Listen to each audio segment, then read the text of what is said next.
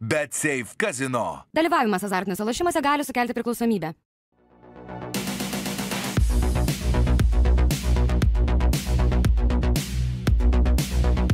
Battery. Reach for more.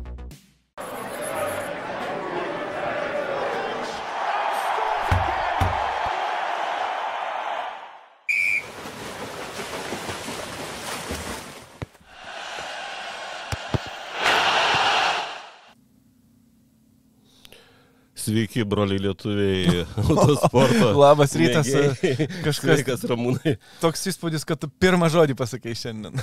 Toks Brendo. Iš už patalų. ilgai. Daug čia įvykių buvo, tos dvi savaitės prabėgo, atrodo, praėjo du mėnesiai, labai tas laikas greitai bėga, kai žmogus artėja prie 40 metų. Jo, tai šiandien mes e, einam tiesiogiai dėl to, kad e, šiuo metu vyksta Abu Dhabi Desert Challenge. Va, ir prie tos temos, Ramūnai, matyt, mes dar Grįšime laidos pabaigoje, trumpam jo, tikrai, nes- nes jau bus- jau matysis rezultatų kažkokių. Jo, jau yra pirmieji tarpiniai rezultatai, bet e, aš manau, kad kol mes čia paplepėsim, tai nemaža dalis žmonių bus jau pravažiavę greičio ruožą, bus galima apie ką pakalbėti ir jo labiau, kad tai yra ne tik Rokas Baciuška, yra dar keletas lietuvių važiuojančių, trys motociklistai, vienas dar bagis papildomai. Tai bus apie ką pašnekėti, bet e, Arūnai, šiandien benefisas Liuks, tavo rankose, todėl kad visos temos tavo. Nu, Buvo daug čia įvykių, na, žinom, kad Formulės 1 testai jau, jau baigėsi, trumpi buvo, apie tai pašnekėsim, apie tai, kad sezonas labai greitai artėja, tai yra, kad jau savaitgalį bus reikalų. Na ir žinoma, Švedijos ralis, vienintelis žeminis ralis likęs pasaulio ralio čempionate, tai visą laiką tema, apie kurią įdomu, verta e, pašnekėti. Bet aš Ir pradėsiu gal... Buvo, tikrai. Aš pradėsiu gal nuo tokios lokalios, e, nauji, na, ne naujienos. Čia e, autosporto visuomenė Lietuvoje na, buvo pakviesta į premjerą tokio filmo, kurį mes jau minėjome anksčiau, lietuviškai jisai didžiosios lenktynės vadinasi. Teko sudalyvauti. Iš Pasakyk, kad aš pozityvų. nebereikalo nejau. Palauk, Ramūnai, iš pozityvų pradedam nuo gero, ar ne? Iš pozityvų yra tai, kad surinko tikrai tos autosporto visuomenės, buvo daug pažįstamų veidų, proga galbūt kažkam susitikti, senai nesimačius buvo ir taip toliau ir panašiai. Na, apie patį filmą, tai gal neanalizuosiu labai giliai, o gal aš nesutinku su kai kuriam ten idėjom ir dalykais, bet um, vienas dalykas, ką išsinešiau ir, ir ilgai nešiosiu matyti, tai buvo Bayeris, kurį Cezaris, ar reikia Cezarę vadinti, Fiorio pas- Cezarė. pasakė šiame filme, aš nežinau, ar tai dokumentinis faktas, ar, ar tai tiesiog filmo kuriejų išmonė, apie tai, kaip atskirti vokišką vyną nuo acto. Nu, nu. Įsivaizduoji, Ne. reikia skaityti etiketę. Tai ką ten vokiškai skaityti? Jeigu mokysi sąlygą. Bet Aš tai aš supratau, kad šūdas ar ne šūdas? Žinai, Sakyk tiesiai šviesiai, čia tarp mūsų mergaičių. tik. aš visą laiką, kiek aš esu matęs apie automobilių sportą filmų, negaliu sakyti šimtų procentų, bet dažnai būna taip, kad juos stato kažkokie žmonės, kurie šiaip filmus nelabai moka statyti, matyti, o apie automobilių sportą žino dar mažiau negu apie filmų statymą. Ir gaunasi taip. Tai gal čia nėra visai tas toks prisvilęs dalykas, nes, sakyčiau, vis tiek įdomu nueiti ir tokią interpretaciją pamatyti, bet man gal biški rėžia akį, kai Walterį Riorą tokį tikrai žmogų, kurį, aš nežinau, matyt gerbė visas vietas, kuris kažkiek tai susijęs su automobilių sportu, su raliu. Tai tikrai istorinė asmenybė, švyturys, taip sakyčiau, inteligentas. E, Aš visą laiką galvau, kad vairavimas, na, varžybos yra racionalus veiksmas. Toksai, kurį žmonės apgalvoja ir dėl pergalės ko- kovoja dažniausiai tie, kurie turi aiškius planus, aiškius prioritetus, kaip daryti, ką daryti ir taip toliau. Ir Valteris Rojas man vienas iš tokių žmonių yra, o kai filme matau Valterį Riorą kaip lunatiką iš, išsprogusiam akim, nematančių žvilgsnių važiuojantį ir klausantį ne šturmano stenogramos, o komandos vadovo per radiją pranešimų. Tau reikia ten tą padaryti ir tą padaryti. Tai man kažkaip tai taip. Bet, Turbūt, e, Bet. turbūt nieko nepraradau. žinai, praradai, kad nematei filmo. Ir Ne, nepraradau. žmonių Nes jeigu sugaišau savo e, valandą Vis tiek laiko... reikia pažiūrėti, ką žmonės neteisingai. Gal, gal kažkas iš žiūrovų kažkada savo gyvenime statys filmą apie lenktynės, lenktynininkus ir jisai pamatys, kaip nereikia daryti, pavyzdžiui. Ir galbūt kažką pamatys, kaip reikia daryti. Gerai, tai visgi nieko nepra- nepraradau. Tai keičiam temą. Tai gerai. Dabar gal toks įvykis seniau šiek tiek praėjęs jau smėlių, ne, nesmėlių sniego, nes tai buvo Švedijos ralis, pasaulio ralio čempionato antras etapas. Na ir aišku, šokiruoja, kad antrą etapą vėl laimėjo Hyundai'us.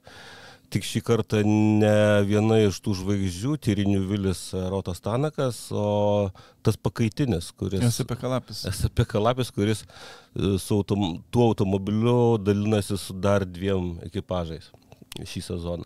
Nu, bet jis kaip tikras lapinas laimėjo. A, Nu, tai buvo jo ralis. Kiek šeši metai praėjo nuo jo Jo, pirmos ir lygiai šeši pergalės? e? Metai nuo, nuo jo pergalės. Bet reikėjo daug visokių dalykų tame tarpe ir savybių SAPK, kad laimėti tą ralį, nes ralis buvo tikrai toksai pagal scenarių, kurio neparašytum prieš ralį, ar ne? E, Atrodė, kad e, Rovampera grįžta taip pat, na, ne visą sezoną važiuojantis. Šiame ralyje aš galvau, kad jisai vienus vartus ten užluos visus. Ir tai buvo pirmame trumpame penktadienio greičio ruožė, kuris įvežė visiems laiko šiek tiek ir atrodė viskas ramu. Bet penktadienį, na, prognozija sakė, kad gali snigti ir snigo. O žinai, kai sninga, tai nors ir pravažiavo kelių valytuvas dvi valandos prieš startą. Bet vėl viskas Bet kai padengta sninga, tai gauni sluoksnį. Ir aišku, Tyrinių Vilis kaip čempionato lyderis po Monte Carlo ralio, jisai buvo pagrindinis šlavėjas, bet vienas toli gražu nenušluoja to sniego, ypač iššluoja dar ir, dešimt, ir dešimtas ekipažas vis dar šluoja, bet pirmam tai yra kančia. Ir, na, kad Niuvilis e, ten... Navilis prisirinks- pasmerktas buvo, Jisai kaip ir buvo pasmerktas. aišku. Tai, čia aišku, tai mes žinome, kaip ožie valydavo žvyrus, kai jis daug metų buvo čempionu. Tokia, tokia, tokia dalė yra. Bet e, man kas patiko, ne tai, kad Nevilis šlavė, bet kad jisai šlavė ir tylėjo. Nu, Nu, jis tiesiog jisai susitaikė su likimu, yra taip. kaip yra tokia situacija, kokia Jo. yra. Ir jisai, e, ir jisai važiavo galvodamas. Na, nežinau, kiek čia Bet ne, nepaisant to, buvo visai geri laikai. Nu, atsižvelgiant į tą valymą, tai nebuvo mm, visiškai vienus vartus. Jisai galvojo, kad ralis galbūt penktadienį neįvyks visas, kaip tai buvo Japonijoje, kai Evansas ten per lietų Mhm. pustelė ir viso gero. Aš manau, kad jisai turėjo tokią viltį ir tos idėjos laikėsi. Na ir švelniai tariant, tai beveik pasiteisino. E, tai va, Niuvilis. Tvarkoju Niuvilis. Gerai, snygo. Aš nežinau, ar tai buvo komandos, ar paties Niuvilio idėja, ar tai tikrai tikras gedimas, bet kažkaip po pietų, antrame, man atrodo, po pietinėme greičio ruože, kažkaip atvažiavus į startą neužsivedė Nivilio Hyundai'us. Ir žinai, nu kai neužsiveda automobilis, tu sugalvoji, kad tai degalų siurblio problema, tada atsidarai variklio gaubtą ir išsprendi per keturias minutės problemą, nors, na, visi, kas šiek tiek automobilių žino, tai įsivaizduoja, kad degalų siurblys Per keturias minutės neišsisprendė. ir jisai ne po kapotu, ne po variklio gaubtu yra, ar ne? Tai vat yra tokių dviejopų dalykų, nors Nevilis, aišku, ne, ne, sakė tikrai, tikrai, Evansas, žinoma, supyko. Per tas keturias minutės, kadangi intervalas yra trys minutės, e, atidarančių greičio ruožą tapo Elfinas Evansas. Ir iki dienos galo. Viskas būtų tvarkoje, bet kodėl taip vėlai? Nes keturios minutės vėlavimo, tai 40 sekundžių būdos, nu tai yra daug. Jo, tai yra daug. Ir, Tai yra ir, daug. ir galų gale jam ir nepavyko jų atlošti. Ne, nepavyko. Tai aš sakau, aš ne, negaliu pasakyti, nei patvirtinti, nei paneigti, koks variantas buvo, ar ten buvo sąmoningas veiksmas, ar, ar tiesiog sutapimas aplinkybių, bet tuo valančiu pagrindiniu pasidarė Evansas. Žinoma, galbūt Niuvilio ar Hyundai'aus, jeigu tai buvo sąmoningas veiksmas, skaičiavimas buvo psichologinį spaudimą padidinti Evansui. Nes jisai toksai linkęs e, Palūžti. biškis skilinėti toje vietoje. Ne? Manau, kad galbūt pagrindinis motyvas galėjo būti toks, jeigu, jeigu, sakau, jeigu tai buvo suplanuota. Bet žiūrėk, iš esmės tai Evansui netgi geriau pavyko valyti kelią negu Noviliui. Jo, jisai mažai ten prarado. Na, prarado, žinoma, bet ne, ne, ne 40 sekundžių. E, viskas būtų gal ir gerai. Tai gerai, šitie valo, nu pasikeisdami, ten dar ne su pagalba to ar ano, o Rovampera lapis, kurie nevažiavo Monte Carle, jie turi geresnės, gerokai startinės pozicijas ir visiems pučia. Iš esmės taip ir buvo iš pradžių. ar Iki šeštadienio ryto. Jo, į, į kol, kol neatvažiavom į vieną ilgą greičio ruožą. Ir tenais atsitiko Trampararam. Tai yra iš pradžių... Iš pradžių Otas Tanakas. Tanakas pusnį pasigavo, pažeidė radiatorius ir jo ralis, galima sakyti, nu, bent jau ta diena baigėsi. Ir vėlgi sunku patikėti, bet Kalero Vampera padarė tą pačią klaidą. Na, ne toje pačioje vietoje, bet irgi sulindo į pusnį ir jo ralis irgi baigėsi. Ir tada į, aiškiai, Toyota Gazoo komandos garbės sargybą stojo Katsuta. Jisai pirmavo ralyje, Lapis buvo antras. Ir labai gerai pirmavo, ir, ir užtikrintai pirmavo, ir atrodė viskas gerai, Viskas gerai, bet Lapis bet labai trumpai tęsiasi visą tai. Lapis jį gaudė. Ir šeštadienio pirmame ruožė, ten buvo, man atrodo, 4,5 sekundės tarp jų. Kad su ta suvalgė 3 su kažkiek, liko 90-osios po pirmo šeštadienio greičio ruožo. Ir atrodė, kad, nu, jisai pasigauna lapį, žinai, ir viskas. Ir viso gero, žinai. Bet va, tame antrame šeštadienio greičio ruožė, kad su ta irgi pratimas sniego pusnies atliko. Nu, bet daug giliau. Giliai, giliai, giliai, kad, ten kas ne kas. Kasi ilgai ir nuobodžiai, bet nepavyko vis tiek galu, galutiniam variantė. Nu, kaip ir šitas e, mūsų minimas dažnai ponas iš Bulgarijos irgi prisivalgė ir kastuvai jam blogi pasidarė, ten Nu, tai mašina žinai, kaip su to šokėju. daužė. Tai galų gale SP Kalapis visai gražiai nugalėjo, išliko ant kelio. Jis visas tris dienas išliko ant kelio, neprisidarė savo klaidų, atvirai konservatyviai važiavo. Jau, jau sekmadienį tai jisai, jisai labai konservatyviai važiavo. Ir tada ugnelė tokia, na, žiūrėjimo reikalų, nepatikėsi kas, Adrianas Formo. Jisai Kodėl atsidūrė, atsidūrė, Bet jis ilgą laiką iš vis antras važiavo ir Antroje, atrodė, kad jisai atsidūrė antroje finišuos. vietoje ir galvojo, nu, Evansas į ten keliolika sekundžių, čia viens du.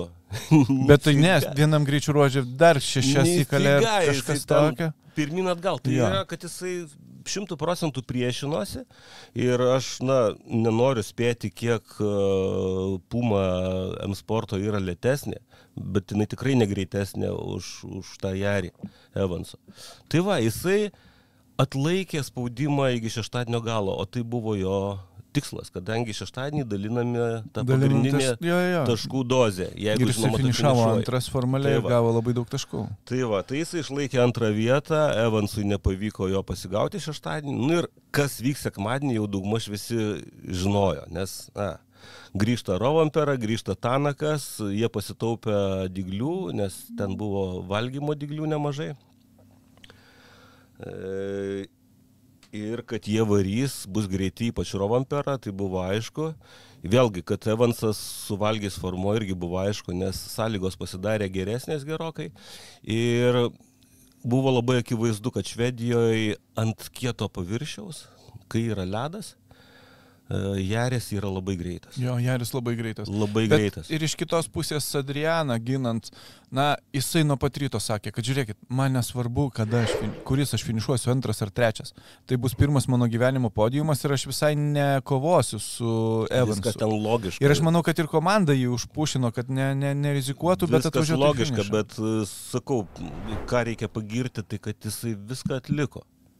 Jis ir apsigynė pademonstruodamas greitį, charakterį ir tikslumą, visas savybės, ko reikia. Formuo tikrai per praeitų metų ten rally 2 tą e, pasikankinimą, na, pasimokymą, reikia taip sakyti. Jisai nepra, neveltui leido laiką, tai yra labai pozityvus žmogus, ant sniego prancūzas, be realiai dar tokio potencialo, kuriuos demonstruodavo ten e, Lobas ar Ožė.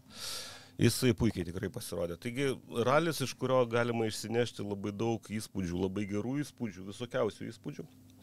E, akivaizdu, kad Tanakas dar e, ne savo marškiniuose kol kas Hyundai, bet e, mane nustebino, na gal ne visai nustebino, Sirilas Obitebuvas pasakė, kad čia net Tanako užduotis e, prisitaikyti prie automobilio savybių.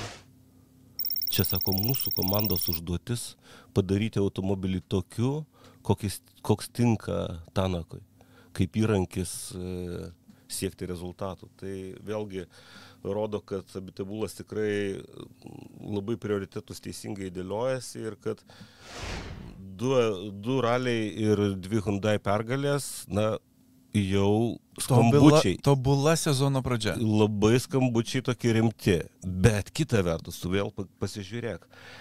Evansas, na, puikiai atidirbo. Tai yra, kad jo, jo tikslas yra pasaulio čempiono titulas ir jisai taip važiavo.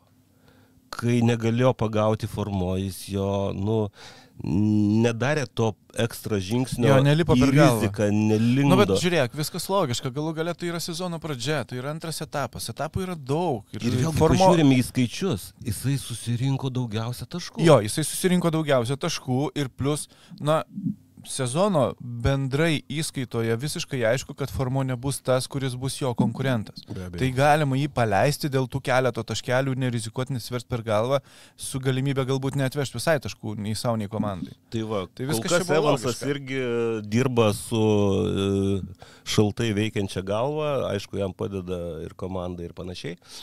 Bet tai mums žada, aš įtariu, kad labai įdomų sezoną. Pirmi du etapai. Pirmie du tokie etapai neįtikėtinai geri. Neįtikėtinai geri. Tikrai sezonas geras ir dar reikia prisiminti šiek tiek porą žodžių bent jau Rally 2 kategoriją, kad ten Oliveris Solbergas Suėdė visus, suėdė. bus kietas, buvo aišku, bet visą laiką buvo tas klaustukas, o kaip visgi tie naujieji jariai, kurie Arktik ralyje parodė, kad jie, jie pasiruošė žeminiam raliui, galima taip sakyti.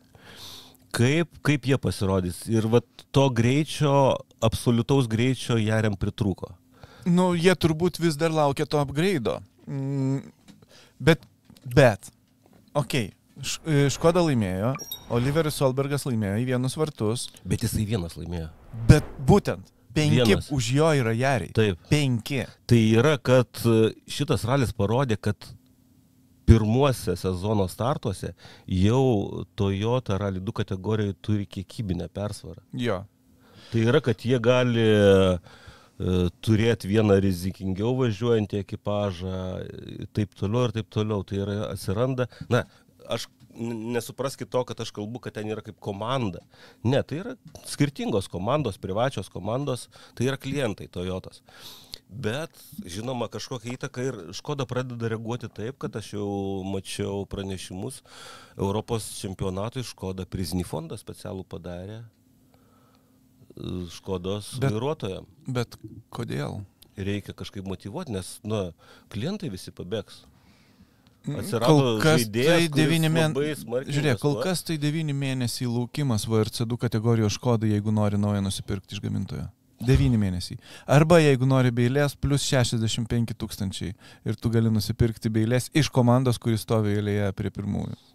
Čia true story. Gerai, e, Solbergas pademonstravo, kad Škoda turi greičio. Jo, ir sakykit, ką nori. Taip, nesiginčiam niekas, tai yra greitas bičias. Bet ne, Jis ir greitas, bet bet, ne ant pusantros minutės greitesnis už Sami Pajarį. Nu, Taip, ne ant pusantros. jis, žinai, šitam ralyje su tokiom oro sąlygom, kokios buvo, ten reikėjo labai daug uh, to užnugario. Tai yra mm, intelekto ir patirties panaudojimo, kuris ne vienoje galvoje Solbergo ar jo šturmano. Akivaizdu, ta įtaka jautėsi, tai kad tai yra, kad Solbergas pasitaupė padangas ilgame greičio ruože, kur e, gruntas lipo į viršų ir kur digliai, e, digliai, Jo, dilo, dygliai, dygliai tam, dilo. kad paskui ant trumpo greičio ruožo ledinio padarytų laiką. Jis, tai jisai vat, viską darė kaip iš knygutės. Tai yra, kad Bet ar ne jis sakė po to, po to paskutinio trumpo greičio ruožo, kad kažkaip tai per, Jis- per geri dygliai liko, galėjau greičiau pravažiuoti. jisai- jisai Kad ten- per daug taupiau. Jisai ten tiek pudrino smegenis visiems, visuose mm, interviu Ir čia jau kalba tėvas, jo lūpomis, man atrodo. Ten toks, e, žinai, gudrošius buvo kiekviename interviu, kad ten sunku patikėti tiesiog. Na, bet mes jau pradame įprasti prie to, kad e, migla pučia kiekvienam finiše Oliveris Solbergas, nes šis sezonas prasideda lyg tai geriau negu ir geriau yra suplanuotas, negu prasidėjo praeitas sezonas, kai atrodė, kad jis visus nupūs. Ir čia jisai visus nupūtė Švedijoje, tai yra faktas. Bet nu, nuputė labai smarkiai, e, labai skaudžiai. Uh, iš Bet kitos vėlgi- pusės, dėl antros vietos kovos buvo žiauriai fainos. Labai gražu Taip, buvo žiūrėti. Daugybė jarių dalyvavo Nu, tose kovose. at- atsiprašau, ne penki, keturi po Solbergo keturi jariai finišavo. Bet vėlgi reikia atkreipti dėmesį, kad Rally 2 kategorijos automobilis laimėjo ne kažkokį stadiono greičio ruožą, o normalų ilgą jo, normalų greičio ilgą greičio ruožą Taip. absoliučiai. Ir tai buvo ne pajaris. Tai buvo liname. Tas žmogus, kur sakiau, kad na, dažniausiai parvažiuoja suglamžytas kaip sūrio gabalas. Bet e, ar tai nerodo, kad e, tie VRC1-8 automobiliai ne, tik tai po 8 tų automobilių išsivalo normaliai greičio ruožas su Nu, tai va, e, jie Švedijai, net ne aštuoni buvo, jie gal buvo Ten- šeši su pusė ar penki Jo, su pusė. nu, okay, ir, ir, ir, mm, ir dar prieš tai Taip, buvo yra, važiavę jeigu dar sniegas, keletas VRC Valymas vyksta, taip, valymas vyksta ir taip. Na, ralių du automobilis ne dėl to, kad jis greitesnis uh, užfiksavo geriausią laiko, dėl to, kad gavo geresnės gerokai sąlygas. Taip. Bet žinai, man penktadienio vakare tiesiog buvo toksai lyg dežavų vaizdas. Pasaulio ralio čempionatas ir visi svarsto, ką daryti, kaip jį gelbėti, ar ne? Nieko nereikia gelbėti. Viskas čia gerai vyksta. Viskas yra vietoj. Sėdam visi į ralį du automobilius. Ir, b- ir uždarom klausimą. Ir viskas. Ir problemos. Ne, nu, galim čia truputį padžiazuoti, aš turiu omeny, kad e, kaip mes ir kalbėjome anksčiau, nu, tai agresyvesnis aerokitas, galbūt didesnė truputį skylė, kad greičius. Ilgai išskirti, laukti nereikia. kažką. Šiandien 27. Rytoj federacijos taryba Kažką tai arba pasakys. iš- pasakys kažką arba ne. Bet gali būti, kad kažką pasakys to klausimu. Nu, okei. Okay. Aš nemanau, kad. Ta prasme, turbūt pasikartosiu praeitos ar užpraeitos laidos mintį, bet e, aš manau, kad FIA įsivarė save labai smarkiai į kampą šiuo atžvilgiu ir nelabai yra kur dėtis. Tu negali atsitraukti nuo hybridinės sistemos, e, tu negali užbraukti tų gamintojų, nes jie supyks. Padarytos investicijos In- taip, dėl to iš, milijoninės. išaldyti reikalavimai buvo periodui kažkokiam, Taip, ne? taip. kad tu atmuštum Ir tu negali, pinigus. negali žengti žingsnį atgal tokio drastiško. Bet tuo pačiu greuti VRC2 tai būtų nusikaltimas. Kažką tai keisti ten, kad, kad kažkaip tai, nežinau, pritraukti juos iki VRC1, nėra prasmės. Na, daug kas atkreipia dėmesį į kitą, na, neralio sporto automobilių Lemano lenktynės, kurios atrodo tokį buminį renesansą pergyvena. Tu matai tikriausiai, kiek e, hypercar tų pagrindinės Oi, 21 kategorijos. ar 22? 23, man 23 atrodo. ir dar vienas vaiting Ir listė, dar- nes nepateko ne į visi pakliuvo, pagrindinį, pagrindinį sąrašą. Tai Kosmosas. kažkas nerealaus. Va- ir va mes čia tai kalbam ne apie kažkokius ten surinktus šiukšlės iš garažų, ar ne? Mes kalbam apie Jo, gamyklinės. gamyklinės investicijos, gamykliniai automobiliai. Nauji automobiliai. Ir metų super senumo žvaigždės, seniausi. visos super žvaigždės. Taip, taip. Bus labai labai įdomu žiūrėti. Ir taip, VRC promoteriams reikėtų žiūrėti šitą vietą. Aišku, tai nėra paprasta, nes su, tu pasižiūrėk, kiek metų jie ėjo link to. Kiek metų, kiek dėrybų sunkių, kiek, kiek tų sulaužytų uh, iečių. falš uh, startų Jo. buvo ir aklygatvių visokiausių. kai buvo ne? du gamintojai ir tie Jo. patys sakė, kad mes išeisim. Ta prasme, buvo visiška krizė, totali krizė. Tai visi turbūt praeina per šitą, visi suvalgo savo dalį š. Aš tikiuosi ir labai linkiu, kad VRC promoteriai mm, kaip grė, kai galima greičiau suėstų savo šūdą ir, ir padarytų kažką normalaus, nes užtenka, jau gana, mums jau nusibono. Tai va tiek apie ralį. Dar į Portugaliją liktai Samsonas Martinas buvo nuvažiavęs. Taip, kalbėjau ką tik su Ervinu Sunitku e, apie Portugalijos ralį. Tai e, labai įdomus ralis, labai įdomus greičio ruožai. E, Man atrodo, pernai jisai buvo Europos čempionate tas ralis. Taip, tai yra ERC etapas pernai metų. E, tai, na, daug niuansų. Ir ten Įdomiai Martinas, man atrodo, ir- Shakedown'e visai neblogai pasirodė. Jisai kvalifikacijų parodė ketvirtą, Ketvirtą laiką absoliutkiai po nu, Užkėlė iš ir dviem vietiniam. E, ne, ten toks niuansas, kad jisai važiuoja su N5 kategorija, tai yra, nu, tipo proto kategorija mhm. vietinė. Tai jis kvalifikacijai dalyvavo, jam leido dalyvauti, bet kai reikėjo rinkti startinę poziciją, sakė, žiūrėk, tu vietiniai klasė važiuoji. Dabar rinksis 20 tų, kurie tarptautinius automobilius turi, o tada jau jūs. Nu ir taip nustumė į subinę, 20 ten kažkelinti. E, tada niuansas, kad, okei, okay, tai buvo ypatingai slidu, nes labai, labai daug lyjo. Jie antram greičio ruožė sudaužė pakabą, nes truputį slystelėjo į, į šoną, o Portugalijoje tas ralis yra vienas iš tų ralių, kur tu negali iš, iškišti rato už vėžės. Tai nutraukė, bet neratu panašu, kad netgi šake į kažką tai trenkėsi, išplėšė visą ratą, šakę, pusašį e, ir taip baigėsi pirmą dieną. Tada antrą dieną jie išstartavo, tik išstartavo ir e, suprato, ai ne, sakė, stovint startę, e, nukrito stabdžio pedalas, tipo, o, o, baigėsi stabdžiai. Nes matyt pasiekmė to smūgio leido vienas iš stabdžių cilindrikų, tai tą greičių ruožą pravažiavo kažkaip tai visiškai kažkaip Mm, bet užsiglušino tą, tą, tą ratą ir bandė važiuoti su trim stabdančiais ratais, bet kadangi juos pastatė trečius iš galo, tarp visų tų Fiatūno ir ten vis, viso šroto, atsiprašau žodį, tai jie nutarė tiesiog nerizikuoti ir nesivers per galvą. Ir dar vienas bairis, kad vienam iš greičio ruožų sakė startuojam. mm, Ir prieš Fiatūno juos pastatė, prieš Fiatūno įsivaizduoji, tai išsiprašė 3 minutės gepą, Bet atvažiavo į greičio ruožo startą, penki automobiliai stovi prieš startiniai zonai, nu, tipo, kažkas užstrigo kažkur tai. Nu, tai sako, įvažiuojam ir suprantam, kad turbūt už minutės per...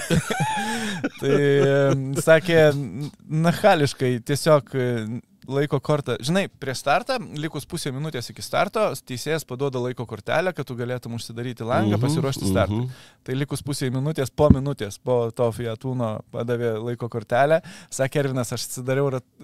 atsidariau duris, įkišau ją, bet gal kortelę užsidariau duris ir nafik neėmiau. tai gavo 3 minutės. Bet prikolas yra tame, kad dar blogiau ir čia jau organizatorių e, labai didelis e, minusas, kad e, pasirodo buvo atšauktas tas greičio ruožas, todėl kad vienas automobilis atsistojęs kirsai, ten užblokavo kelią, visą kitą ir jiem tas nieko, ne, niekas nepasakė. Jie startavo su šviesoforu, kaip priklauso, pilnais, atvažiavo už 2 km, pamatė kamštį. Galėjo Tai mašiną užrišti per tą laiką Jo, tris kartus. Jo, ir sakė kosmosas, kad, kad spėjo sustoti, tada visi ant jų pradėjo rėkti, tada jie sako, pala, mes tai važiuojam kaip važiuojam, mums tai startas, tada... ačiū Ai, maždaug, ko- ko jūs Jo, ką jūs čia darot, maždaug. maždaug jo, kaip bepračiai lakstot raud, raud režimas, žinai. Tada Martinas iššoko iš mašinos, nes už jų dar vienas N5 važiavo, nefinišavęs pirmą dieną, iššoko iš mašinos, puolė tą stabdyti, tai laiku sustabdė, nes dar galėjo, ne, neaišku, kaip baigtis. Tai va, tai su portugališkais ypatumais, bet e, Ervino žodžiais tariant, labai įdomus greičio ruožai, labai graži konfiguracija, įdomi, įspūdinga. E, pažiūrėsim, kovo vidury mm, dar vienas ralis Portugalijai, kur važiuos Martinas Samsonas ir Ervinas Nitkas, žiūrėsim, kaip jiems tenai seksis. Bet įspūdžiai tai tokie. Liuks. Įdomu. Ir ką, džiugios naujienos, kurias matyti jau šį savaitgalį pamatysite, kad e, Lietuvoje matyt Formulė 1 taps galbūt geriau prieinama. Rūnai, kol, kol nepradėjai apie formulę. E, trumpai labai. Vienas Trenk. klausimas, kuris Lietuvos ralis man asmeniškai yra žaviausias? Elektrėnų žemaitijos. Aš norėjau kaip sėgis parašyti, kad tu paskaitytum. Aš paskaitysiu viskas, o ką. Liuks. Tai... Mm, ku- kuris tau žaviausias? Kuris Liet- tau gražiausias lietuviškas ralis? ką žinau. Man žinai, beržinka visą laiką patiko. Užasfaltuota ir nebe, nebegalima. A, jau užklijuota visą? Viskas, viskas jau seniai A. nevyksta. A, E, Bet e, iš tikrųjų lietuviškų ralių žavių yra nemažai ir kiekvienas jų žavus savaip. Tai elektrienai žavus tuo, kad tai yra labai kompaktiškas, tai manau, kad vairuotojams važiuoti elektrienų ralį yra labai gerai, Mm, nes viskas vyksta per vieną dieną. Bet e, yra, yra nemažai. Iš tikrųjų, gal lengviau pasakyti, kuris nežavus, negu kuris žavus, todėl kad didžioji dauguma lietuviškų ralių yra dabar tikrai gerai organizuojami, su tikrai gerais ir įdomiais greičio ruožais, tai juos visus žiūrėti gerai. Nu, bet sakau, kiekvienas turi savų niuansų. Tai gal neįvardinsiu, nenorėdamas įžeisti kitų, nes didžiąją daugumą organizatorių. Organizatorių, taip, Ramūnas pažįsta. paskui jam dabar- įsižeidžia ir taip, taip. gauna žinutę, ką Tai tu čia tu, žinai. kol aš čia pasakosiu apie nesąmonės iš Formulės 1, tu paskaityk mūsų žiūrovų klausimus. Tai aš juos vis, vis pažiūriu. Nesvarbu, kad jie nesusijęs su Formulė 1. Jo, mes vis tiek pakomentuosim. galėsime- Tai aš vieną pakomenta- pa- pakomentavau, užbėgdamas tau įvykiam už akių, kad pirmas etapas Formulės 1 bus rodomas per TV6. Teisingai? Taip, Tai bus atviras etapas, nereikės nieko papildomai mokėti. tai yra Pažiūrėkit taip, ir įs-. Įsitikinkit, ar jums verta tada mokėti papildomai už antrą etapą ir likusius. E, Aš tai dabar žiūriu Drive to Survive, žiūriu, nes labai nenoriu praryti, čia gal su branda ar su sen, sen, senėjimu susiję, nenoriu praryti vienu įpų per vieną naktį, tai žiūriu nedaugiau kaip po dvi serijas per dieną. Aš dabar nežinau, aš, ar aš kantrus, ar, ar aš bailus, nes aš dar nemačiau nei vienos serijos dar. Nusikaltimas, žinok, suėsi visą tai kaip saldainiai, kaip nežinau. Na, nu, namuose yra prioritetai televizijos, žinai. Aš nesu valdantis pultą operatorius. E, jo, bet e, jeigu pasižiūrėsi pirmą seriją, tai manau, kad užsik... Ir tau šiaip tai labai būtų įdomu pažiūrėti. Nes ten Formulė 1 pateikiama absoliučiai iš kitos pusės. Nieko Bet nesusijusi su rezultatais. aš dar negirdėjau tokio, na, atvirai neigiamos reakcijos į Drive to Survive. Pažiūrėk vieną seriją ir pasakyk, galbūt tavo... E, nors ne, tu negali pasakyti šūdas, kaip pavyzdžiui didžiosios lenktynės. Na, aš taip nesakiau. Ne, tai tu tai nesakėjai, aš suprantu, kad tai buvo šūdas, bet tu negali to sakyti. Tai e, aš tikiu, kad net jeigu labai bloga tavo nuomonė bus apie Drive to Survive, tu vis tiek taip nepasakysi. Bet jinai nebus bloga, nebus, pažiūrėk. Taigi, e, kaip jau sakė mūsų kolega Ramūnas, matysime formulę pirmą etapą labai plačiai auditorijai. E, Planuose yra visus Formulės vienas, visas treniruotės rodyti, visas kvalifika- kvalifikacijas, visas lenktynės. Šiais metais sezonas, jūs žinote, bus labai ilgas 24 etapai. E, Priminsiu, kad pirmi du etapai tai yra Bahreinas ir Saudo Arabijos. Lenktynės bus ne sekmadienį, o šeštadienį, taip kaip ir šį savaitgalį. E, Na, dar tiesa bus ten, bet mūsų laiku tai bus sekmadienis. E, Las Vegasas. Las Vegasas, taip. Ir apart to, dar tokia žinia mane pasiekė, kad tie, kas jau ten labai įsigilinti nori ir matyti tendencijas jaunimą augantį ir panašiai, tai jau uždaruose kanaluose e, ko gero matysim visas taip pat Formulės 3 ir Formulės 2 kvalifikacijas ir lenktynės. Nu čia labai jau specifinė auditorija. Taip, čia labai specifiniai, bet aš manau, kad tokių vis tiek bus žmonių. Ne, galbūt nelabai daug, bet... e, Parašykit komentaruose, ar norėtumėte ir ar galvojate žiūrėti Formulę 3, Formulę 2. Na, Formulė 2 netgi, aš manau, Žinai, kad aš visą laiką close žiūrė, žiūrėdavau prasme, gan- Formulę gan 3, arti. Formulę 2, nes e, kai tekdavo komentuoti Formulę 1, tai būdavo labai geras pasiruošimas savaitgalį. Tu pamatai trasą, na, A, okei, oro sąlygas, prisimeni ten posūkius. Tu tau lengviau matyti Formulę čia yra 1. tavo darbinis reikalas. Bet ar šiaip sau tu žiūrėtum, va iš savo malonumo? Nu, matai, tai yra, sakau, kažkada, kai informacijos buvo badas sovietiniais laikais, Nu, žinai, sovietiniais laikais Kai-. LRT fil... transliuodavo neskarą, tai... tai ga, gaudydavo žmonės, kaip tame tarpe aš, bet kokią informaciją. Tai kai į mano rankas jau pradėjo pakliūti toks e, Britų labai rimtas leidinys apie autosportą, autosportas taip ir vadinasi, e, su labai kvalifikuotais straipsniais, apžvalgomis, na, tai buvo fantastika. Tai aš grauždavau viską. Formulė 3 e, nacionalinius čempionatus. Formulė, nu tuo metu tai buvo Formulė 3000, man atrodo. Jo. E, Viską grauždavau ir, žinai, gal tais laikais, kadangi informacijos buvo trūkumas, tai tą nebuvo sunku daryti dabar, kai jos perteklius, tai kiekvienas atsirenka pagal save. Bet į ką aš noriu atkreipdėmėsi, kai jeigu jūs žiūrėsite, Formulė 3 yra labiau aero automobilis. Tai yra automobilis, kuris turi galingesnę aerodinamiką negu variklį. Ir tas labai matosi gerai, kai jūs žiūrėsite ir lyginant su Formulė 2, kuri yra atvirkščiai. Variklio gale gerokai viršyje aerodinaminius ir pagabos sugebėjimus. Tai yra skirtingas dalykas, vėlgi, Formulė 1 nuo jų vėlgi skiriasi kaip dangus ir žemė. Ir aš, jeigu jūs turėsite progos bent, nežinau, vienas ar porą lenktynių pasižiūrėti, tai atkreipkite į tai dėmesį, nes tai labai gerai matosi televizijos ekranuose. Tai va, Tai dar kol nepradėjai, turim tau klausimą. ok. Iš Andrius. E, kaip manai, į ką žiūrės Mercedesas norėdamas pakeisti Hamiltoną? Ar į labiau patyrusius Alonso Sainsą, ar galbūt stebės Albaną Okoną ir kitų progresą jaunimo? Aš netgi girdėjau versiją, nu, apie Antonelį, kuris šiais metais startuos uh, uh, Formuliai 2. E, Jisai kalbama, kad yra ten sekantis. Nu, Mercedesas turi savo talentas. talentų Tai mokyklą. taip, ir jisai prasme, jie yra, stebi nemažai jisai žmonių. yra toj talentų mokyklai. Tai aš nežinau, kaip pasielgs Mercedesas. E, Jų situacija, aišku, bjauri labai, net gal bjauresnė negu Ferrari. Nors, kodėl tai turėtų? Kodėl Oi, Ferrari turėtų bjauresnė dar- situacija pasidarys kitais metais. Šiemet dar jie Apie tai normaliai gali pakalbėsim. praudžioti. E, Bet e, e, nežinau. Aš manau, logiška būtų žiūrėti jaunimą, kur jo labiau, kad tu turi nemažai sportininkų, kuriuos jie prižiūri nuo kartingo per visus Žinai, Formulę gali, 4. tai labai gali priklausyti nuo to, kaip atrodys šiais metais Jordas Russellas. Tai gali nuo jo, to labai jis jau, aš jau sakyčiau, kad jis toks matur. Ne, jisai maturi yra, bet, žinai, jam reikia tą tokį uh, smūginę jėgą pademonstruoti. Ką jisai gana Mhm. gerai demonstravo pirmą sezoną prieš Luisą Hamiltoną.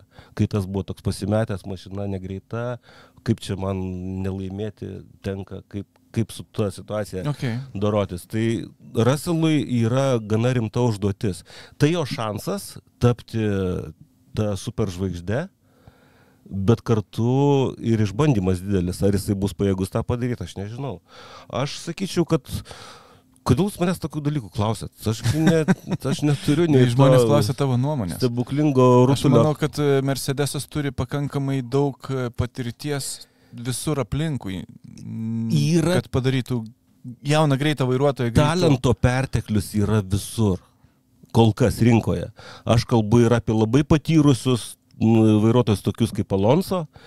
Ir apie tą tokią vidutinį amžių, kur žmonės jau tikrai daug patirties turi, kaip Sainzas, Vareva, tas pats Russellas ir, ir visi kiti. Ir vėlgi tas jaunimas, kurio mes dar formulėje net nematėme. Tai yra, kad talento ir sugebėjimų yra viso pačiuose įvairiausiuose sluoksniuose.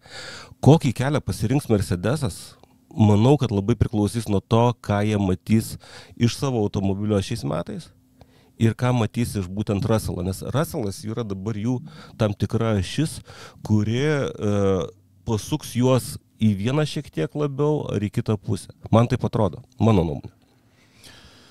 Ok, tai apie Kas dar formulę. iš formulės? E, Šiek tiek prabėgome apie tai, kas, kas bus mūsų eteriuose e, Lietuvos e, sporto automobilių visuomeniai.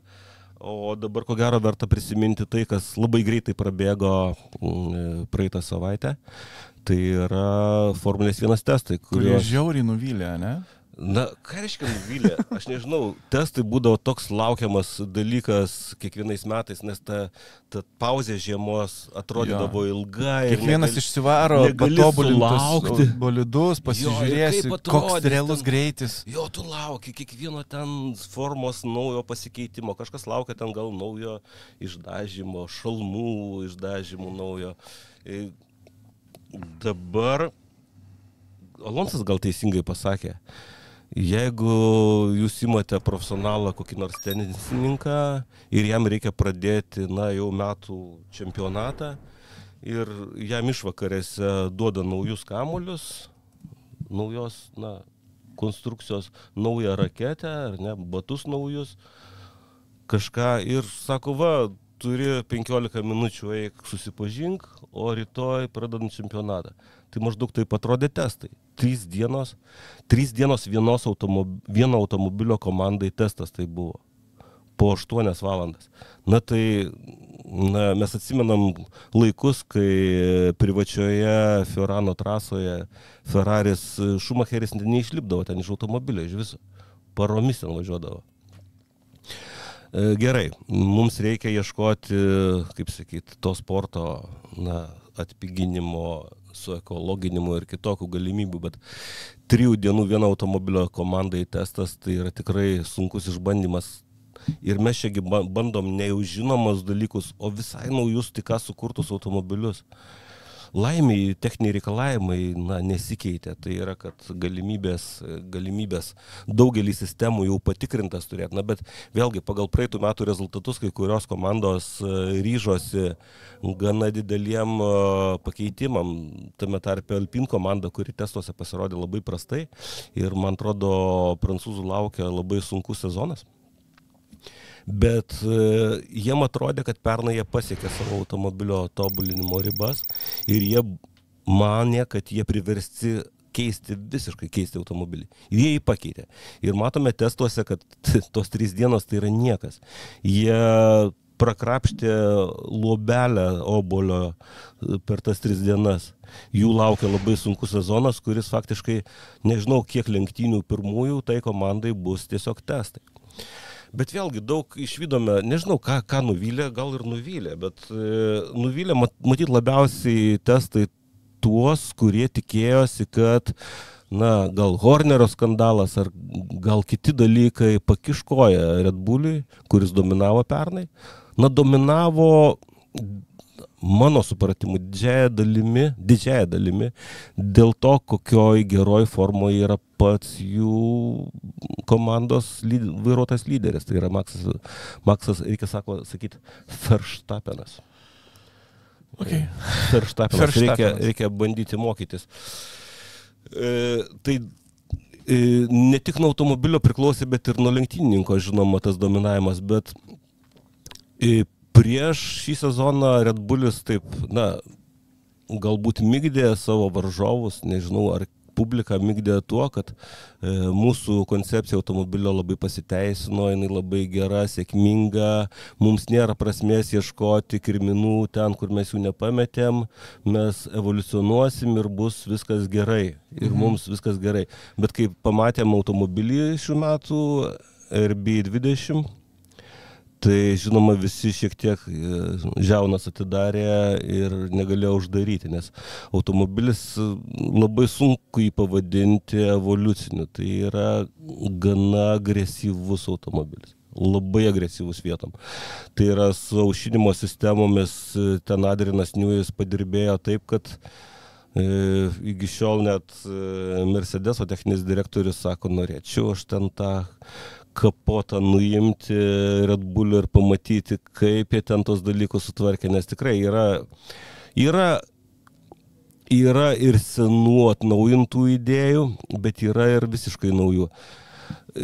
Žmonės, kurie tvirtina, kad e, šių metų Red Bullis e, seka pavyzdžių Mercedeso, kuris atsisakė tos sistemos, tai yra na, ją vadino kabutėse, sakyčiau, e, Zero Panton, tai yra automobilis be šonų.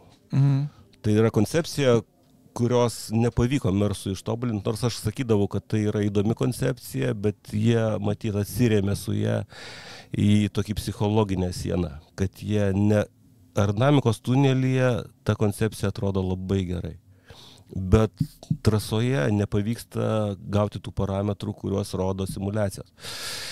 Tai kiti žmonės sako, ir čia galbūt daugiau pasigauna Britų spauda, man atrodo, ir tą leitmotyvą dainuoja, kad e, šių metų Red Bullis eina tuo keliu, kurį išminė Mercedesas. Tai yra nuliniai šonai. Na, mes tos pontonais, vadinkime, sutartinai tuos automobilio šonus, kuriuose didžiąją dalį vietos užima radiatoriai. Na, seniau tai dar būdavo ten ir išmetimo sistema, dabar turbo variklio išmetimo sistema, kompaktiška greičių dėžės, tarpinėme karteryje yra. Bet apart radiatorių, žinoma, ten daug vamzdynų ir daug elektronikos ir kitų dalykų sukišta yra. Nes netgi išaugę labai savo matmenimis Formulės 1 automobiliai vis tik nėra, nėra pasiruošę, taip sakant, kaip sunkvežimis, kad jį gali prikrauti ten visko. Taip, ten prikrauta yra šimtai daviklių, blokų valdymo, visokios velnevos, bet visą tai reikia kažkaip ten sukišti taip, kad dar ir palikti svarbiausiam dalykui, tai yra aerodinamikai plotus dirbančius. Tai va, Red Bullio koncepcija nėra, mano galva, tie nuliniai pantonai, toli gražu. Taip, jie gal gali pasirodyti dalinai tokie dėl nu, oro paėmimo angų. E, labai įdomiai, viršutinę tą horizontalę oro paėmimo angą kuri pernai pas Red Bullį buvo atvirai į viršų labiau, kaip anglai, na, liko apatinė lūpa labiau išlindus, ne, jau perėjo į labiau išlindusią viršutinę lūpą ir tos angos iš daugelio rakursų netgi nesimato. Jis mm. slepiasi po viršutinę ar naminiam plokštumą.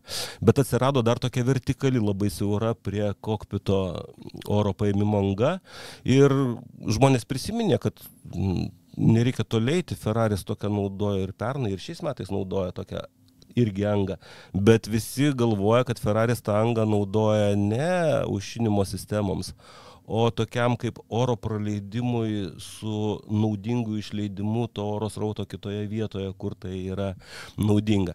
Bet tikima, nieks negali patvirtinti nei paneigti šimtų procentų, manoma, kad ta vertikali siaura anga paėmimo oro yra naudojama suspausto oro aušinimui, kurio radiatorius yra labai arti dugno radiatoriai aušinimo skyščio ir suspausto oro aušinimo tokia V, v, forma V forma yra šonuose. Labai kompaktiškai, na, apart to, kad ten reikia tos radiatorius, jų vamzdynus visus sukaišiuoti, ne, reikia dar oro srautų ir rasti įėjimų ir išėjimų į kelią. Ir tie šonai tikrai yra labai tokie labai atrodo ploni, kaip jie su tais rautais. Žinoma, dabartinės radiatorių technologijos tai yra kažkas tokio. Aš nežinau, ar kada nors iš viso sužinosiu, kaip, e, kokios jos yra.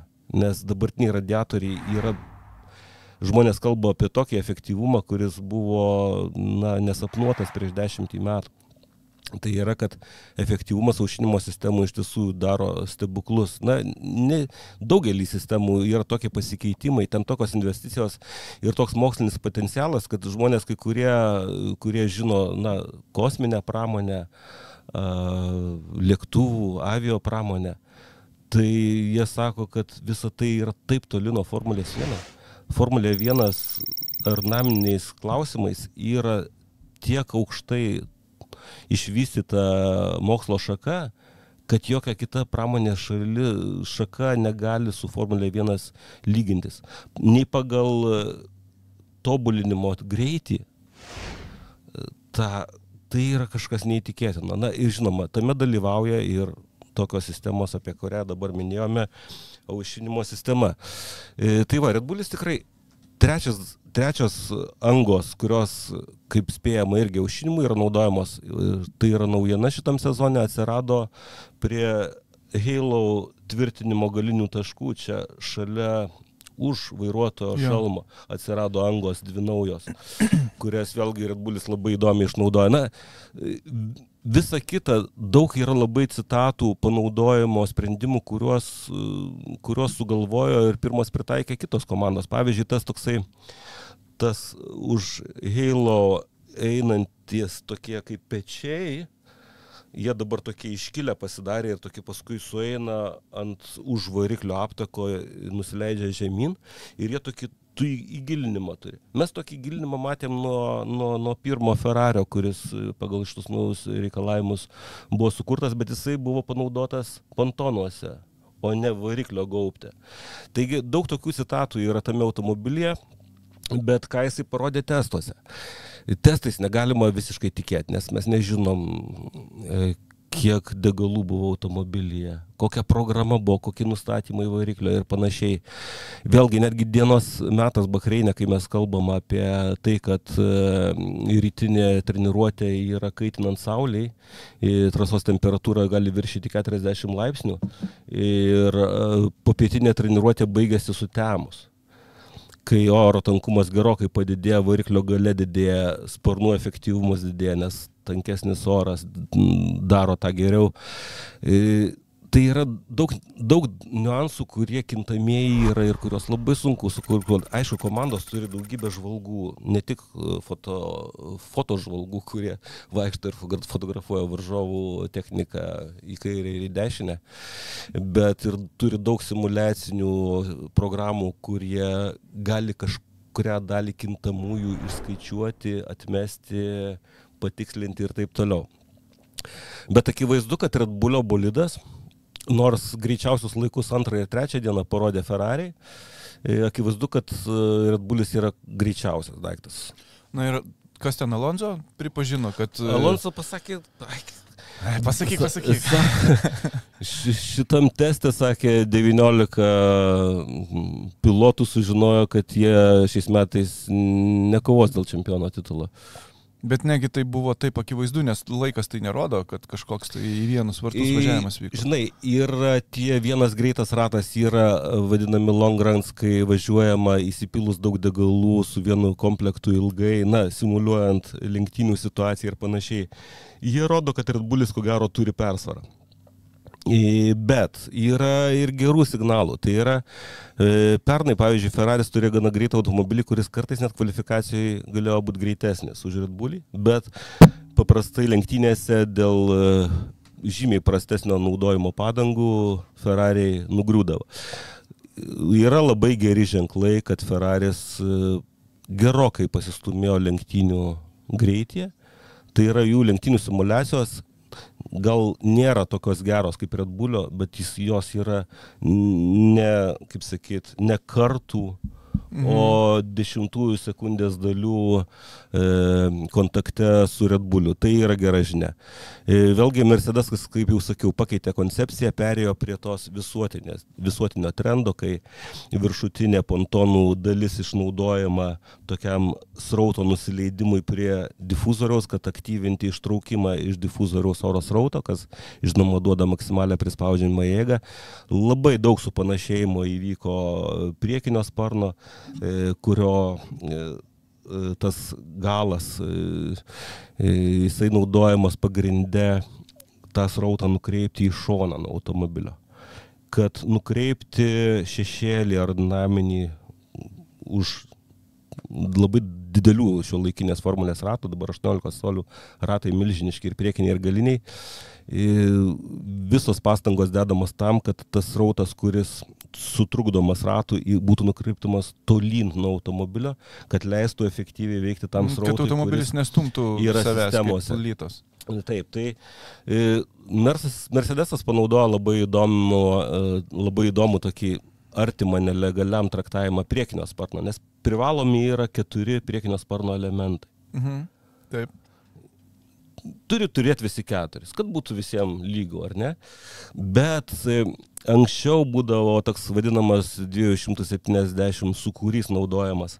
Tai kai būdavo ta su daug užsparnių arčiau rato e, sparno dalis, kadangi ten labai gaunasi didelis lėgių skirtumas nuo tos neutralios, centrinė sparno dalis buvo neutrali, o paskui labai didelę galę generuojanti.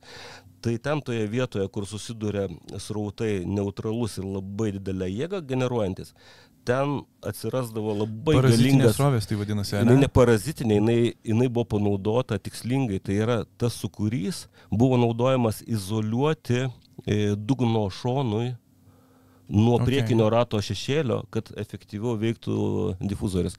Tai Mercedesas pabandė tą, e, tą panaudoti su dabartiniais reikalavimais. Jie padarė tą išorinę ketvirto to aukščiausios, na, viršutinio elemento dalį padarė pilno pločio tik tais išorinėje dalyje, o paskui jie ją susiaurino gal iki nežinau kiek ten, 5 mm. Na toks anglės plokštos siūlelis eina. Per visą ilgį kaip ir turi, iki pat nosies ateina. Bet ateina ne sparnas, o toks siūlelis. Na ir liktai kol kas federacija... Kažkaip e, išskirsto tas sroves? Matai, reikalas tas, kad ta e, išorinė prie rato dalis, jinai generuoja didelę prispaudžiamąją galę. Mhm. O šitas siūlelis ne. Ir dėl to atsiranda didelis lėgių skirtumas, kuris sukūrė, sukuria oro sukūrį, kurį tu jeigu nutaikęs padarai teisingoje vietoje, jisai dirba tau labai, e, ef, padidina efektyvumą difuzoriaus ir kitų sistemų. Jisai už, at, atskiria tavo panaudojamą srautą efektyvų nuo to šešėlio turbulenti, to sukūriuoto, Geras. kurį paskui save turi ratą. Uh, nu tai ką, protestai? Jeigu Tai- Mersas bus labai greitas, bus protestų. Nežinau, nežinau, matai, pagal raidę reikalavimų tai niekas nėra pažeista. Yra, sparno profilis yra per visą sparno ilgį iki pat, iki pat kokpito. Tai yra tokių, yra labai nemažai sumanimų įdomių, naujienų įdomių.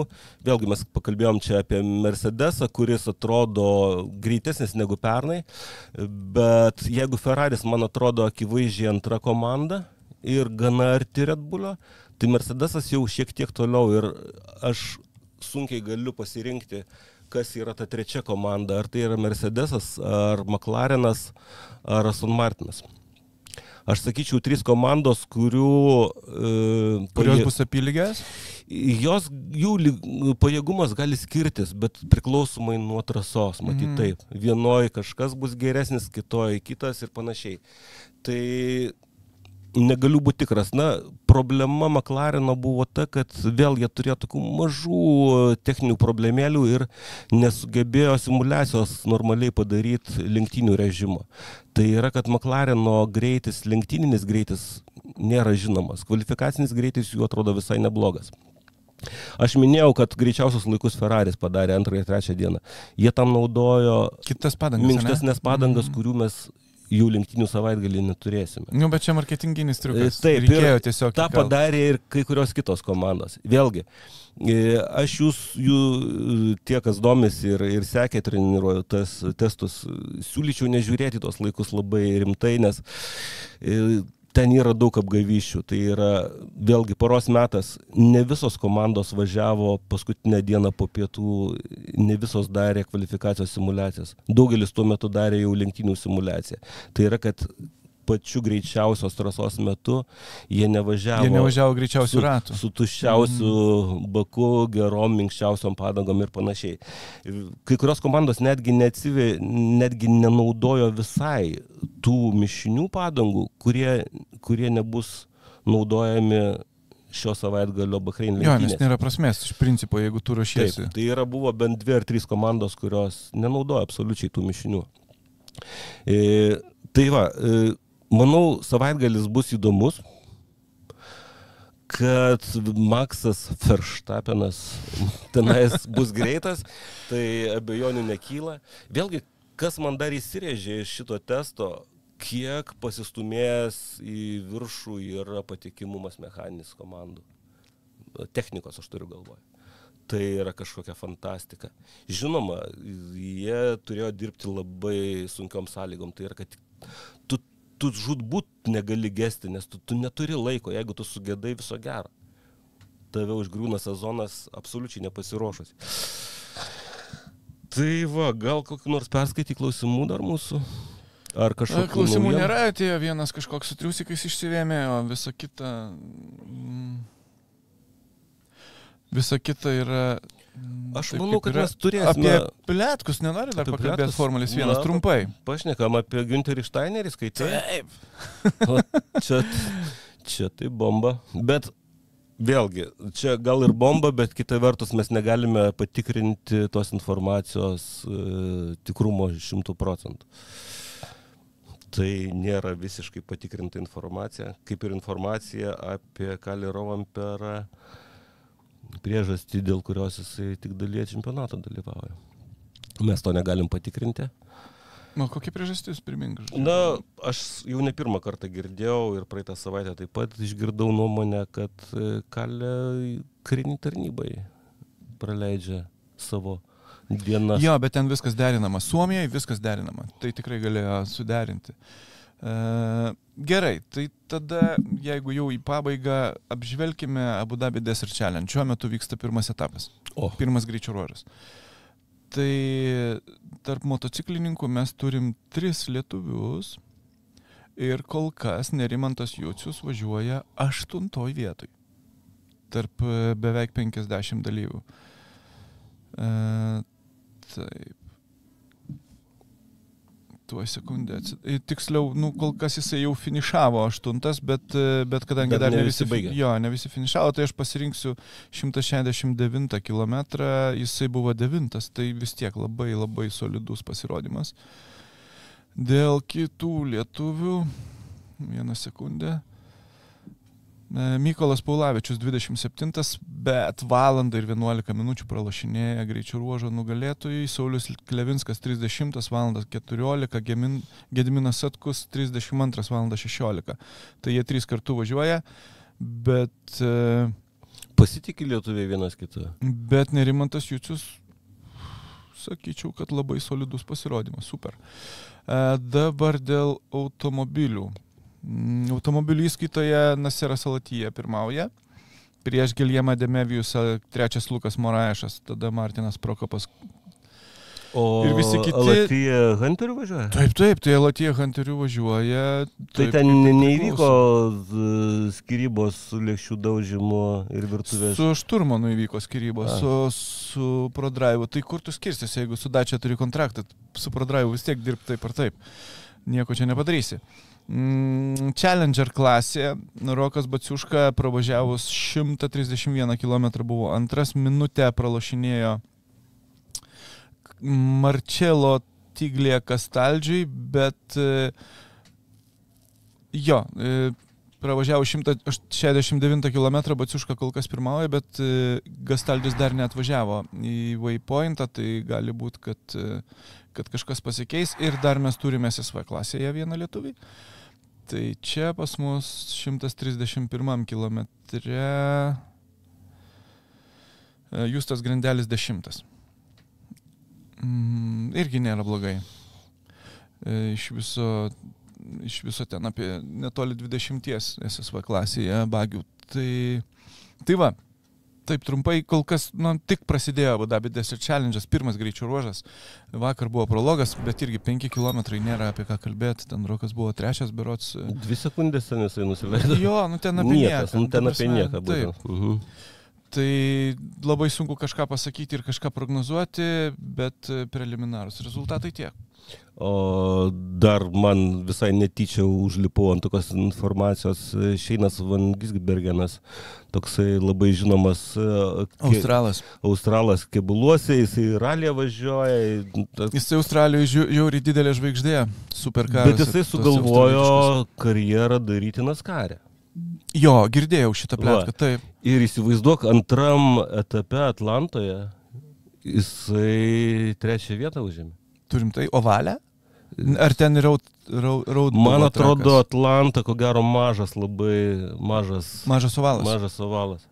Geras. Tai va, tai e, talento nepaslėpsi net Naskarė, man atrodo. Nepragersi taip paprastai. A, ir dar e, galiu šiaip jau, kad... e, Mm,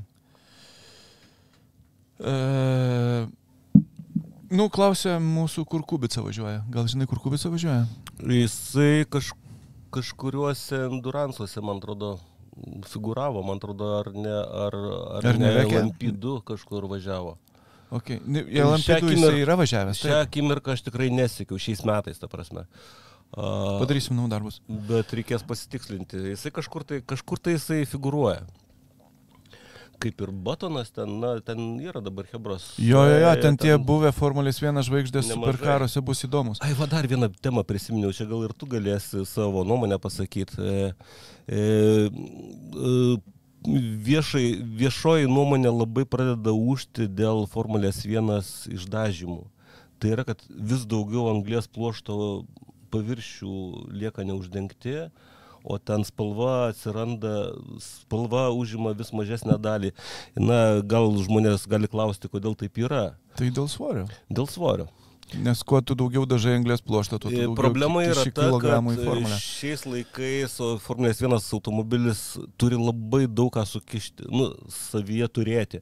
Ir tai viskas labai daug sveria. Ir nors svorio limitas pakeltas jau gana aukštai, bet vis tik komandom palysti po tuo limitu. E, Kodėl komandos bando padaryti lengvesnį bolidą? Todėl, kad tada, kai jos turi lengvesnį bolidą, jos gali balastą naudoti ten, kur tau reikia. Žinoma, labai Taip, žemai svorio centrą sumažinti. sumažinti, bet jį paslinkti į kažkurią vietą, kur tau reikia, ar ne? O kai tu, esi, kai tu turi viršsvorio, tai tu ti- tiesiog esi lėtesnis. Nes ten, aš nežinau, 10 kg, gal 3,40 priklausomai nuo trasos. 10 Jo, jo, kilogramų. aš kažkur skaičiau, kad Formulės 1 vien tik išdašymas yra apie 10 plus kilogramų. Į mažiau gerokai. E, Dabar jau irgi mažiau, ne? Naujos technologijos, nau, nauji dažai. Aš girdėjau, kad visai dar nesenai buvo virš 3 kg. Dabar artėjama prie šiek tiek daugiau negu kilogramo. Nu tai aišku, Bet gali aišku, nudažyti vienam lenktynėm, Bet, vienas bet sluoksniukas. aišku, ir įskaitant tą, kad tu labai mažus plotus pradedi dažyti. Jo, Bet publikai pradeda nepatikti. nu, todėl, kad tu nematai iš tolo, jie visi tokie Nu, panašus pasidaro. Nu, gerai, dabar tas kick sauber, ne, toks e, žalias Ryškesnis, jo. ne, tai jisai gerai skiriasi, bet, e, bet netgi kyla kalbos, kad gal į reikalavimus reikia įtraukti kažką tokio, bet kalbama, kad ko gero tai yra būtų labai sudėtinga. Bet žinai, kaip balansuot tarp rėmėjų matymo ir nedažyto bolido. Taip, taip. Nes pra- pradės Čia- rėmėjai būti nepatenkinti. Taip, taip, čia labai daug interesų, bet tema, apie kurią šiuo metu kalbama po įvykusių žiemos testų. Geras. Nu ir pabaigai aš buvau Mindaugo varžos workshopė Kaune praeitą savaitę. O. Ir mačiau jo kurtą daiktą, pabendrau su žmogum, kuris tai daro. Labai įdomi koncepcija. Iš esmės tai yra taip. Jie paima Subaru estaiškės dugną, kurių yra pilni šrotai. Iš principo, nes jie niekam nereikalingi. Ir ant jo... jisai ta mažiau ruduojantį dalis, tai iš... Ne, tiesiog e, visiems reikia kėbulo dalių. Nes paprastai jas tai iškės, žinai, tokie daiktai, kurie Jie susidėvi nes- kėbulo dalys. nesurudė- Jie nesurudėjo, jie susidėvi. Jie į medį nesurudėjo. Jo. Tai va, tai e, ir ant jo galima iš esmės mauti beveik bet kurį kėbulą, nu tai jis dabar turi Hyundai. Uždėti. Jo. Mhm. E, Ir prie jo pritaiko pakabą kurtą jų. Tai jinai pakabą. Jo, savo kurtą pakabą. E, turi ten tokį Mes mažą kalbam ir apie suprojektavimą. Absoliučiai nuo balto popieriaus lapo. Nuo balto popieriaus lapo. Sėdi mažas gykas, kom, kompų genijus, pakabos čia burtininkas. e, nemažai sferų, nu, kompetencijų turi sueiti į vieną vietą. Bet e, reik, vat, būtų labai įdomu tave nusivežti, pamatyti. Manau, kad tau patiktų, tu turi inžinierinį išsilavinimą, tau tikrai patiks, ką jisai daro. Neturi. Nu, bet bet- labai domiuosi. Tai va, tai tau tikrai Mhm. patiks. E, jisai kūrė pakabą, m, sakau, nuo balto popieriaus lapo į, tu, į ir jinai pasižymi tuo, kad turi didesnę eigą negu, negu tarkim R5 arba negu N5 kategorijos automobiliai ir, ir ta eiga yra tokia, na, ratas neišsikraipo. Tai yra geometrija, išlieka artima. Artima pro- pradiniai. pro- Pradiniai, na. tai- Jo. Ir e, tai suteikia labai didelį komfortą vairuotojui, vairuojant ypač, na, kaip jie juokauja, kuo blogesnis kelias, tuo geriau jautiesi. Tai, tai taip, taip ir, ir vairuotojai, bet vėlgi automobilis stabilesnis. Jo, Nes kontaktas išlieka, ne- nesikeičia. nesikeičia taip, taip, automobilio. Tai yra nepriverčiamas lysti ratas ten, kur, kuris neturi. kur jo nereikėtų. Taip, taip, taip. Tai va, tai atsiliepimai super geri ir jų konceptas yra toks, kad jie gamins tik tai pakabas. O tai specializacija yra auks, aukso reikalas. Jo, jie gamins tik tai Nes tu negali ir- visko Ir išmanyti. jau, par- jau pardavinėja, jau siunčia daug, važiuoja į, į va- vakarų šalis. Šaunuoliai. E, kosmosas. Iš tikrųjų, kaip garažiukė Kaune E, Sakau, vienas sėdi prie kompo, bičias kūrė, kitas sėdi prie suvirinimo aparato, daro. Nu, fantastika. Ir tokius dalykus. Tai Va, va, Didžiuliai komplimentai. Pakabą iš karto prisiminiau dar vieną gabalą iš, iš Formulės 1 testų. E, Mersas atsivežė e, labai įdomią koncepciją, kurią anksčiau gal šiek tiek naudodavo, bet žymiai mažesniuose e, na, ribose. Jie atsivežė keičiamą viršutinės priekinės svirties galinio taško poziciją. Jie atsivežė okay. tokį dalyką, kurį ap, na, tvirtinimo vietą kaip ir apsukt, prie kurios tvirtinasi tas taškas, jie gali kaip ir apsukt. Ir tada jos e, padėtis ant, ant e, monokoko, kaip čia pavadinti, ant nešančios struktūros keičiasi, na, ten aš kiek vizualiai sakyčiau daugiau negu 5 cm gali. E, Pakeitus tą tašką pasikeičia vadinamas pasipriešinimo nirimui stabdant kampas, antidivingas jo, labai smarkiai pasikeičia.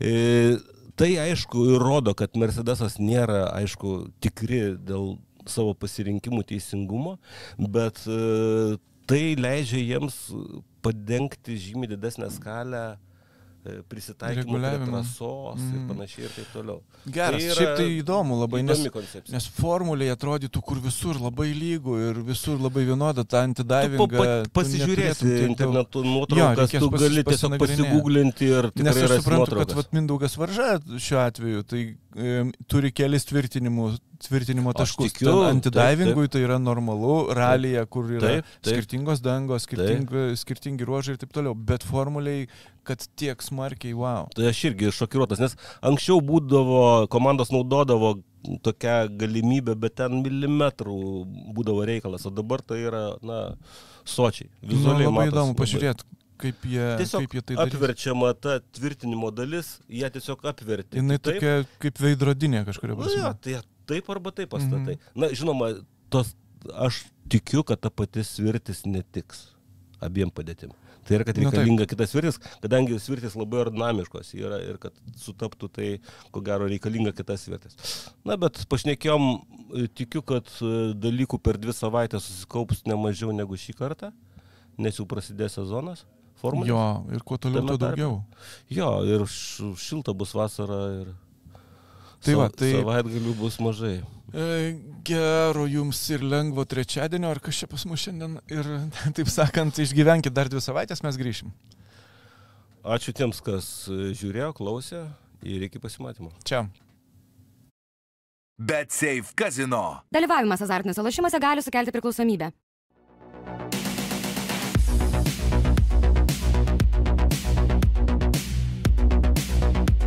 battery. Reach for more.